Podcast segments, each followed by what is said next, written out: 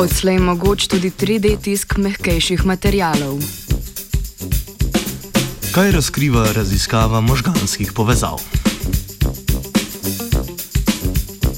Dobro jutro na valovih Radia Student, kjer vaše možgane zbujamo z znanstvenimi novicami v čisto sveži rubriki Znanstveni Britov.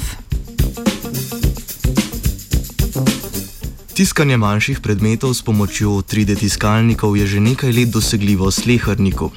Ker pri tem postopku nanašamo izbrano snov plast za plastjo, moramo zagotoviti zadostno mehansko stabilnost spodnjih plasti, da lahko nosijo težo zgornjih plasti. Nova metoda, ki so jo pred dnevi predstavili raziskovalci Floridske univerze v članku z naslovom Writing in the Granular Gel Medium, objavljenim v reviji Science, omenjeno zahtevo po mehanski stabilnosti obide tako, da predmet natisne v gel. Na 3D tiskalnikih šobo, skozi katero potiskajo želeno snov, pozicionirajo na želeno mesto v gel, sestavljen iz mikronskih delčkov. Ta zagotavlja mehansko oporo novo nastajajočemu predmetu. Mehanske lastnosti omenjenega gela imajo lastnosti trdnih snovi in tekočin hkrati. Tako lahko brez težav ustavimo šobo v gel na želeno mesto, ko pa iz nje iztisnemo snov, ta ostane na določeni poziciji.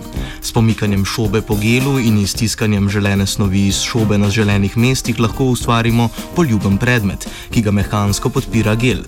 Z omenjenim postopkom lahko tiskamo predmete iz snovi, ki ne zmorejo nositi lastne teže, kot so različni silikoni in gume.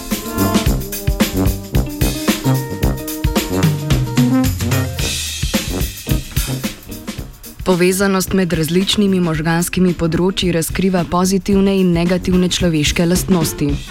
Nedavna študija, objavljena v Nature Neuroscience, je prva, ki je nastala v okviru projekta Človeški konektom, ki se zgleduje po projektu Človeški genom. Namen tega 40 milijonov dolarjev vrednega projekta je raziskati povezave in strukture v možganjih 1200 odraslih oseb in s tem razkriti delovanje te kompleksne strukture.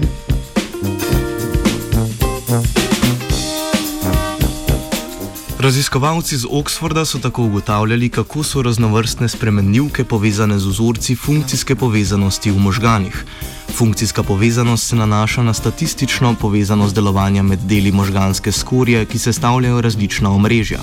Odkrili so, da je vzorce možganske povezanosti mogoče razdeliti po eni sami dimenziji, ki so jo preprosto poimenovali pozitivna-negativna. Za osebe z močno povezanostjo možganskih omrežij so bile značilne pozitivne lastnosti, kot so splošna inteligentnost, zadovoljstvo z življenjem in fizična vzdržljivost. Nasprotno so knjižemu rezultatu na dimenziji prispevale lastnosti, kot so pogosto skajenja, agresivno vedenje in nedavna uporaba drog, še posebej marihuane.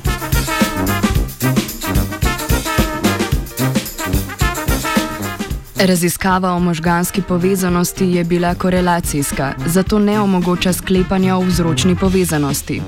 Je pa to dobra osnova za študije, ki bodo bolj podrobno ugotavljale vpliv posameznih demografskih in vedenskih spremenljivk na možgane.